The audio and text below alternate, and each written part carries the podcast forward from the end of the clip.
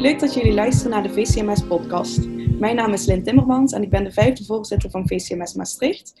En vandaag neem ik samen op met uh, onze penningmeester Willemijn Tunnissen. Hoi, leuk dat jullie allemaal luisteren. En we zullen samen professor Dr. Jacobs van het MUMC interviewen. Kunt u zichzelf even voorstellen?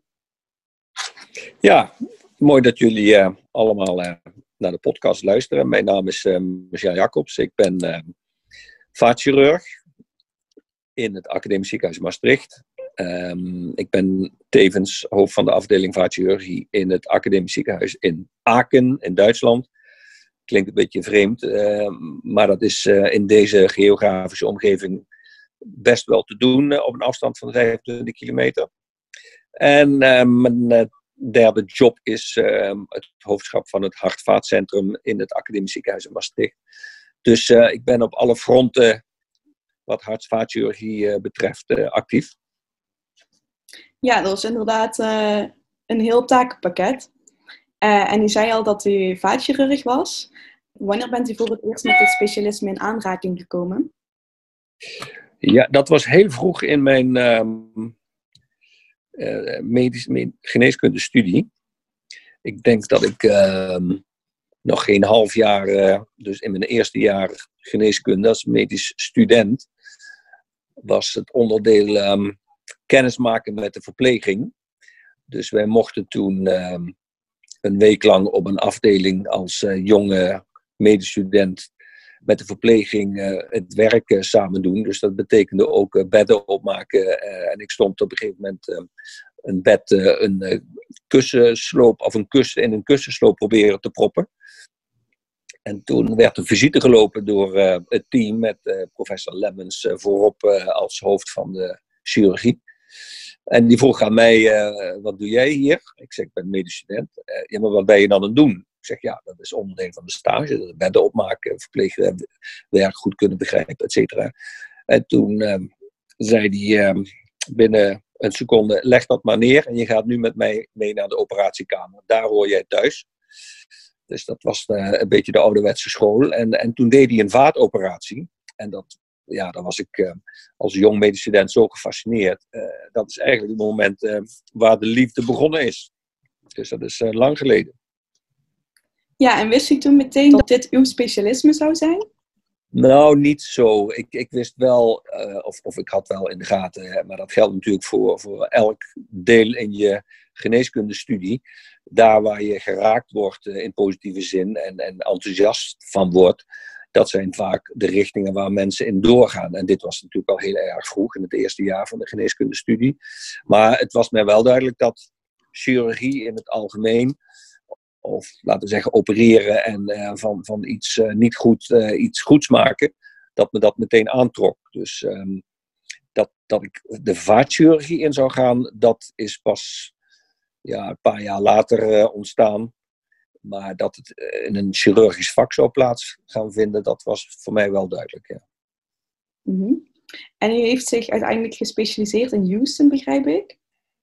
Nou ja, ik, ik heb um, na mijn geneeskundestudie heb ik uh, mijn chirurgenopleiding uh, gedaan. Dat was zes jaar. Maar de laatste drie jaar van die zes jaar heb ik heel veel uh, vaatchirurgie gedaan. Daar, daar was ik echt door gefascineerd. Daar was ik ondertussen ook al op gepromoveerd op het vaatchirurgs onderwerp.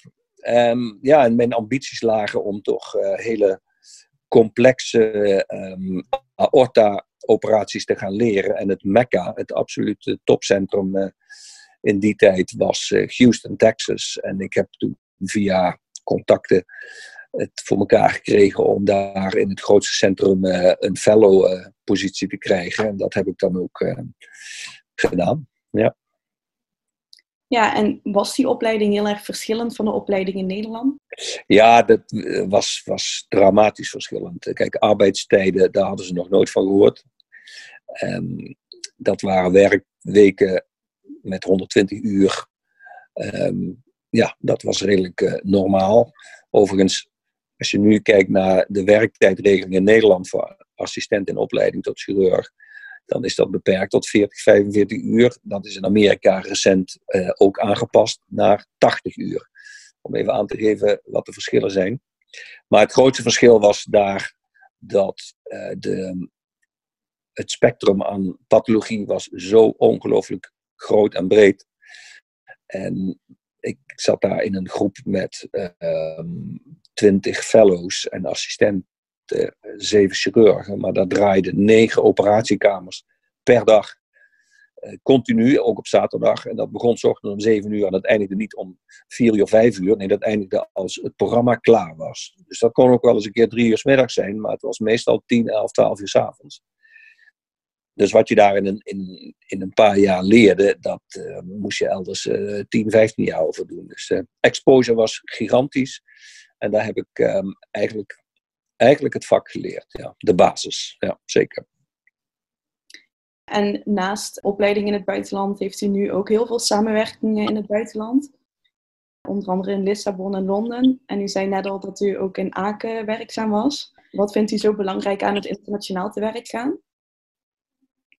Nou ja, op de eerste plaats vind ik het enorm interessant om te zien hoe mijn vak in andere landen wordt uitgeoefend. Kijk, we zijn van binnen natuurlijk allemaal hetzelfde. Hè? De anatomie van de aorta en de zijtakken is bij een Chinees hetzelfde als bij een Indiaan of bij een Noord-Europeaan. Maar de manier waarop diagnostiek en behandeling wordt uh, uitgeoefend is, is zo enorm verschillend. Dat is één. Het tweede is dat ik, um, nadat ik uit Houston terugkwam, ben ik tien jaar um, hoofd van de vaatchirurgie in het AMC in Amsterdam geweest. En heb ik eigenlijk dat uh, aorta-programma op mogen zetten. Dat is uh, uiteindelijk een groot centrum geworden. Um, vervolgens ben ik naar Maastricht uh, verkast. En hebben daar weer een aorta-programma opgezet. Uh, in Aken bestond zo'n programma ook niet. Dat heb ik in 2005 uh, hebben we dat met een team uh, neergezet. En het mooie is dat die, die grote steden waar ik um, zelf ook opereer, zoals in Londen en in Lissabon, daar zijn geen centra of waren geen centra waar ze dit soort complexe operaties deden. die teams zijn heel vaak bij mij hier op bezoek geweest en ik heb vervolgens met die teams in hun ziekenhuizen in Lissabon, maar ook in, um, in Servië, in, in heel veel verschillende landen, dergelijke centra opgezet, zelf geopereerd, de mensen um, op sleeptouw genomen en, uh, en na een paar jaar uh, draaien ze hun programma's zelf op, op goed niveau. Dus dat is, ja, dat is een, een uitdaging, maar ook enorm enthousiasmerend en bevredigend dat het dan ook lukt. Dus dat is eigenlijk de grootste uitdaging. Ja, ja, dat klinkt ook heel erg mooi.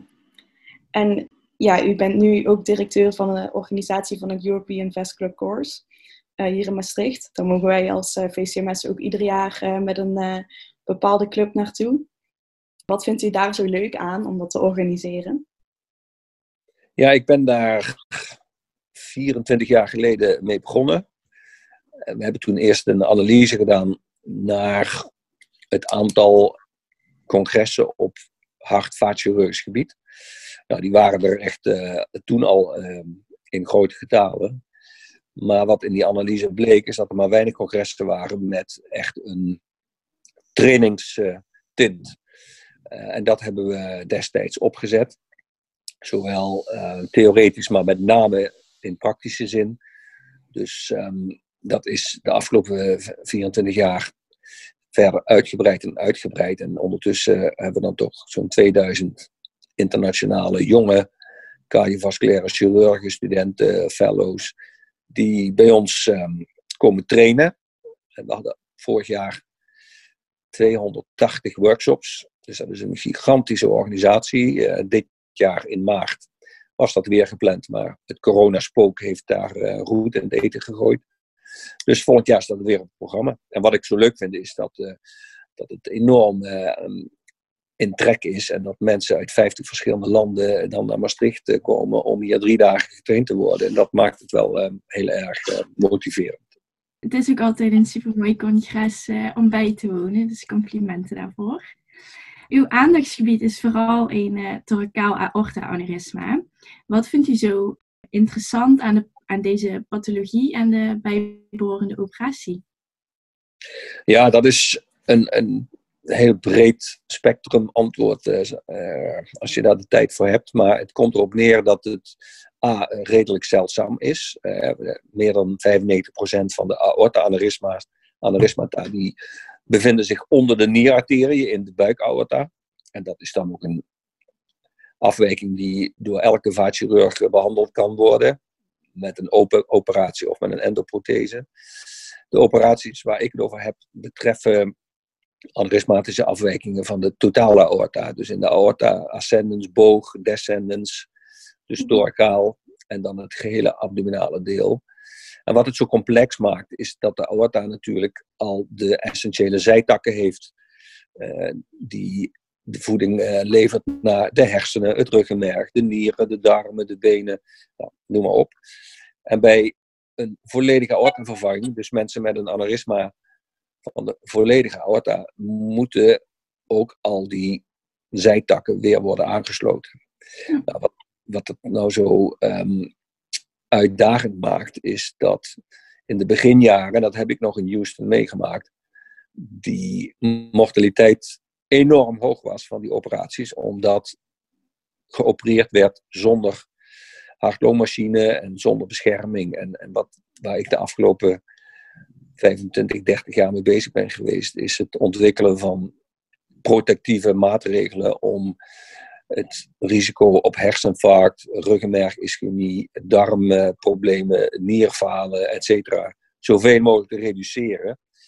Uh, dus het is een, een, een, enorme complexe puzzel waar uh, het werk uh, op geconcentreerd is. En dat, dat maakt het zo uitdagend. Nou, met name ook omdat het veelal tegenwoordig met endovasculaire methoden wordt opgelost.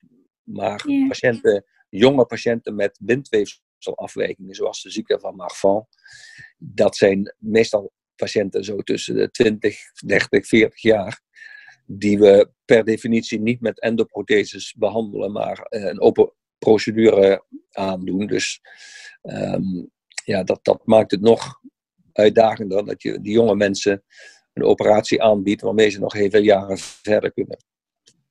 Wel een uh, intensieve operatie dan.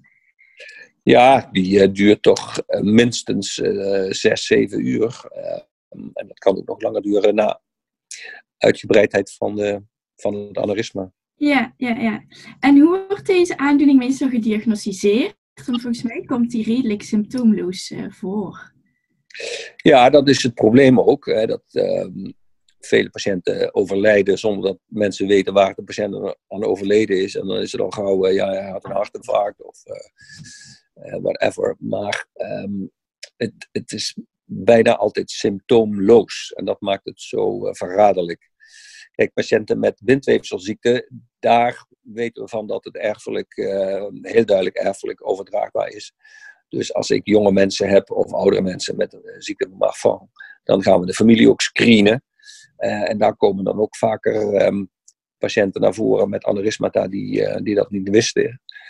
Um, nou, dan heb je de andere groep, dat zijn de degeneratieve aneurysmata. Dus mensen die ehm, op leeftijd een aneurysma ontwikkelen en per toeval bijvoorbeeld met een echo van de buik, van de galblaas, een aneurysma zien. Of een algemeen lichamelijk onderzoek, dat je een groot pulserende tumor in de buik voelt. Of op een röntgenfoto voor een longafwijking wordt er een grote uit, uitbreiding van de aorta gezien enzovoort. Dus het, vaker is het per toeval ontdekt en niet omdat patiënten symptomen hebben. Oké, en wanneer dat dan per toeval wordt ontdekt, binnen welk termijn moet zo iemand dan uh, geopereerd worden? Dat is afhankelijk van de diameter. Dat is tot op heden nog steeds de meest simpele, maar wel meest bruikbare parameter waarop we de indicatie stellen. Eh, als je een aneurysma hebt van 3,5 eh, centimeter, dan is de kans dat dat aneurysma ruptureert is vrijwel nihil. Dus die mensen gaan we ook niet opereren, want dan is het risico van de operatie groter dan het risico van de ruptuur en dat die scheurt. Maar als een aneurysma groter wordt dan 6 centimeter diameter, dan wordt het ruptuurrisico steeds groter en dat neemt exponentieel met de diametertoename toe. Dus boven de 6 centimeter, als de patiënt uh, fit genoeg is voor een operatie, boven de 6 centimeter stellen we de indicatie. En dan afhankelijk van ehm, de situatie eh, gaan we dan plannen. Oké, ja. En uh, kunt u dan die bijbehorende procedure een beetje toelichten en de uitdagingen die daarbij komen?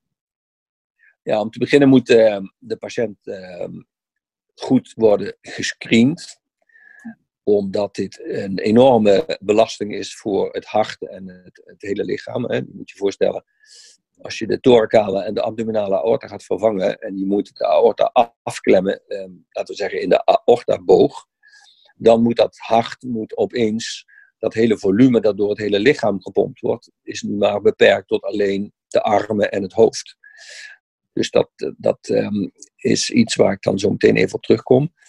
Um, en vervolgens, als je dus in de aortaboog afklemt, dan zouden alle organen onder die klem geen bloed meer krijgen. En dat kun je een kwartier volhouden, maar dan is het ook, uh, ook afgelopen. En dat, uh, als je weet, uh, als je beseft dat die operatie 6, 7 uur duurt, is wel duidelijk dat alleen de aller, allersterkste op deze wereld zoiets zouden overleven. Dus wat we doen, is eerst de patiënt screenen. Dus die krijgt een uitgebreid ehm, onderzoek van het hart een coronaire angiografie, een echocardiografie, een onderzoek van de longen.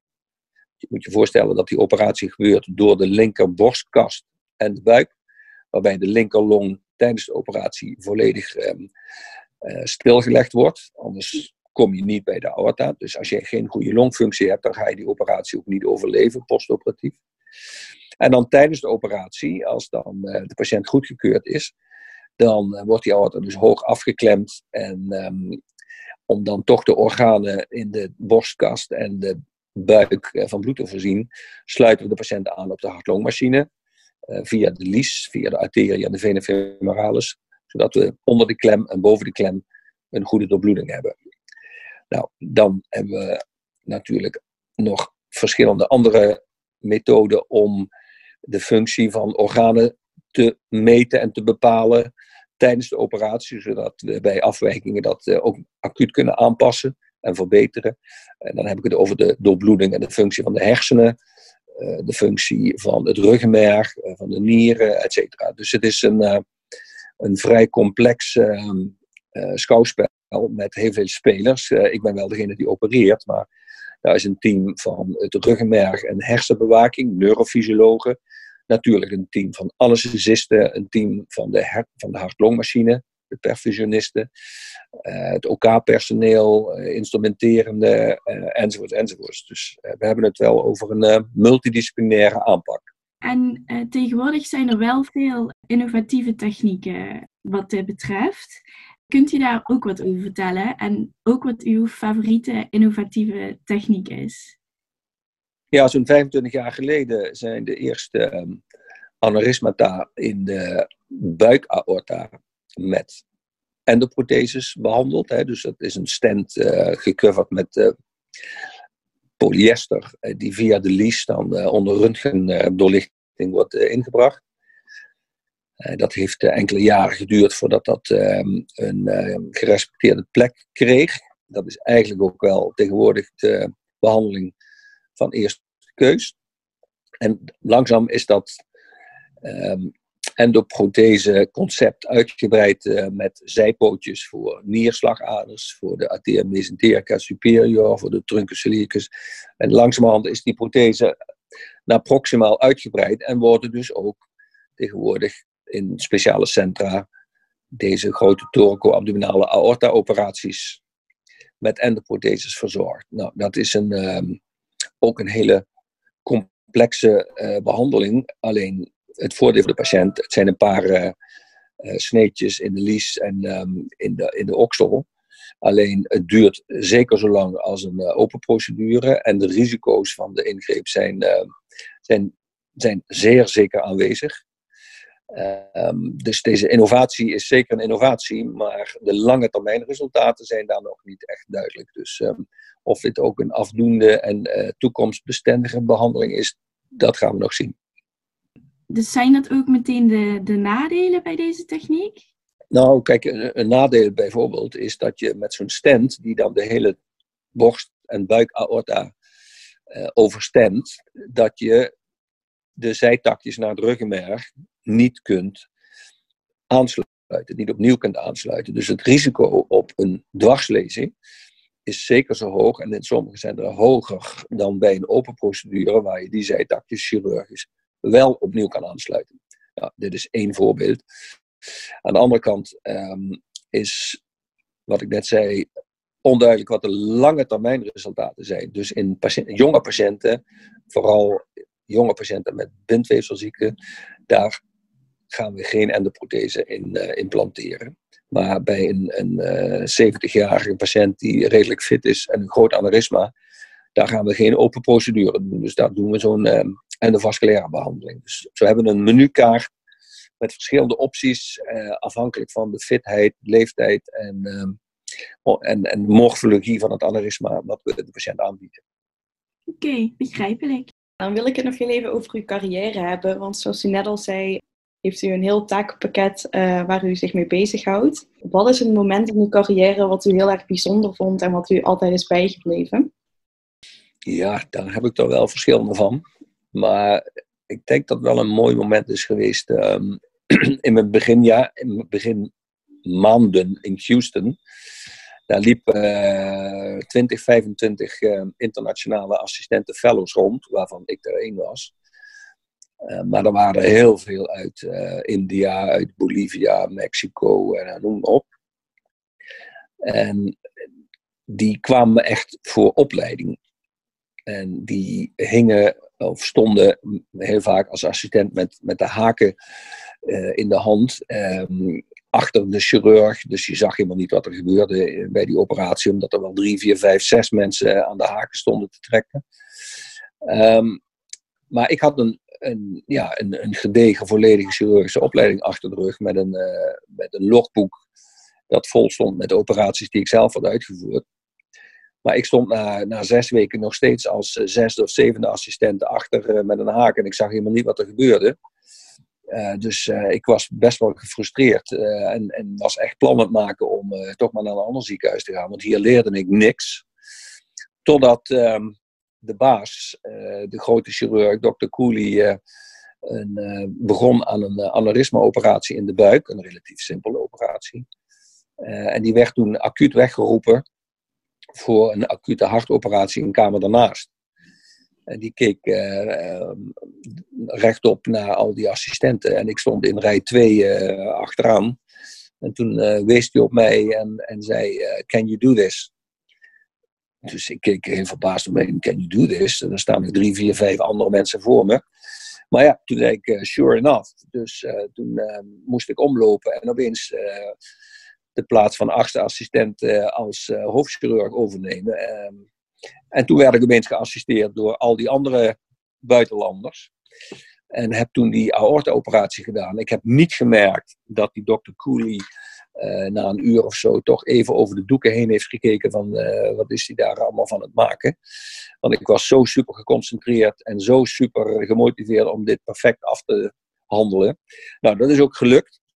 En vanaf die dag um, heb ik alleen maar als eerste assistent of als eerste operateur jarenlang daar mogen werken. Dus dat was een voor mij onvergetelijk moment dat um, heel veel invloed op mijn carrière heeft gehad. Ja, dat kan ik me voorstellen.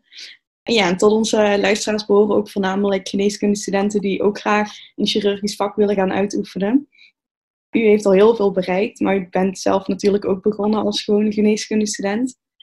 Wat zou u de studenten willen meegeven met de kennis die u nu heeft?